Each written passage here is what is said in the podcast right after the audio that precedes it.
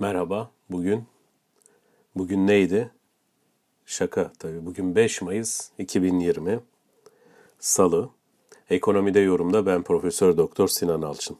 Gerçekten de günlerin birbirine girdiği ve karıştığı bir süreçten geçiyoruz. Ani olarak pandemi nedeniyle üretimdeki duruma birçok iş yerinin kapanmasına yol açarken birçoğu da e, yine faaliyetlerini uzaktan sürdürmeye çabalıyor. Buna ilişkin e, gelen son veriler var ekonomik anlamda.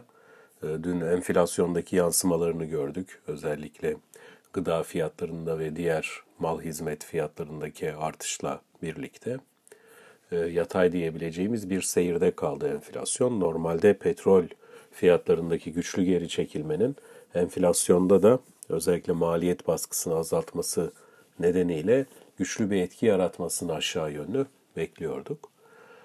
Öte yandan PMI verileri yine İstanbul Sanayi Odası tarafından açıklandı dün. Burada da 33.4'e kadar gerileyen bir endeks değeri görüyoruz Nisan ayında PMI'da. Bu imalat sanayinde biliyorsunuz iyimserlik veya kötümserliği gösteren bir endeks aslında.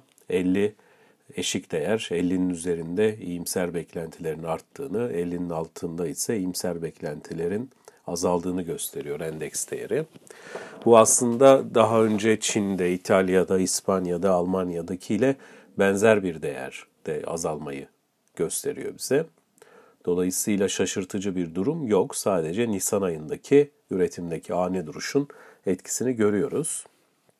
Öte yandan e, dış ticarette de dış ticaret hacminde çok önemli bir geri çekilme var. İhracattaki azalış %41'i %41.38 e, tam rakamıyla e, bulmuş durumda. Bütün bunların masaya getirdiği bir tablo var aslında ekonomik görünüm açısından. Pandemi güçlü biçimde Türkiye ekonomisini vurmuş görülüyor.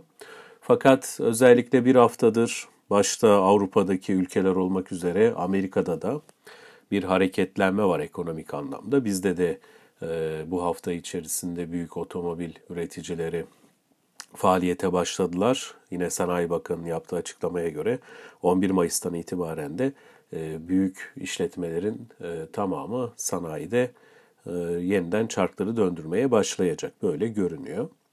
Peki acaba korona son koronaya hazır değildik. Hazır olmadan yakalandık.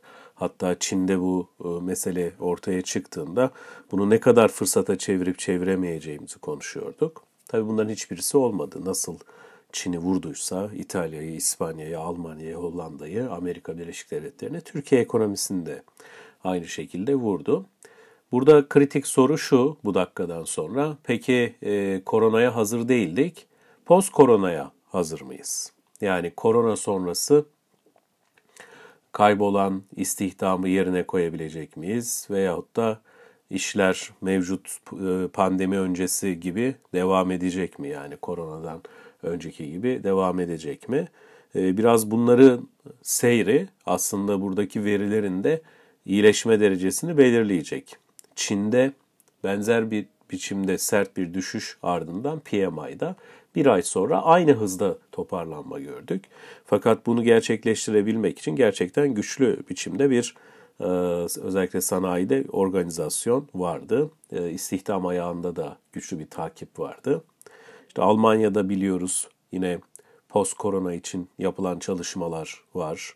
Hindistan Sanayi Konfederasyonu'nun geliştirdiği bir master plan var. Tek tek iş yerleri nasıl açılacak, buradaki çalışma düzeni, havalandırma, dezenfektasyon işlemleri nasıl yapılacak? Yine bir diğer sorun önümüzde duran bu kopan tedarik zincirleri, hem sektörlerin birbiriyle bağlantısı, tedarik ilişkileri bağlamında hem de lojistik hatları bağlamında nasıl yeniden kurulacak? Bütün bunlar masanın üzerinde duruyor. Yani şimdiki sorumuz peki post korona sonrası ne olacak? İyi günler.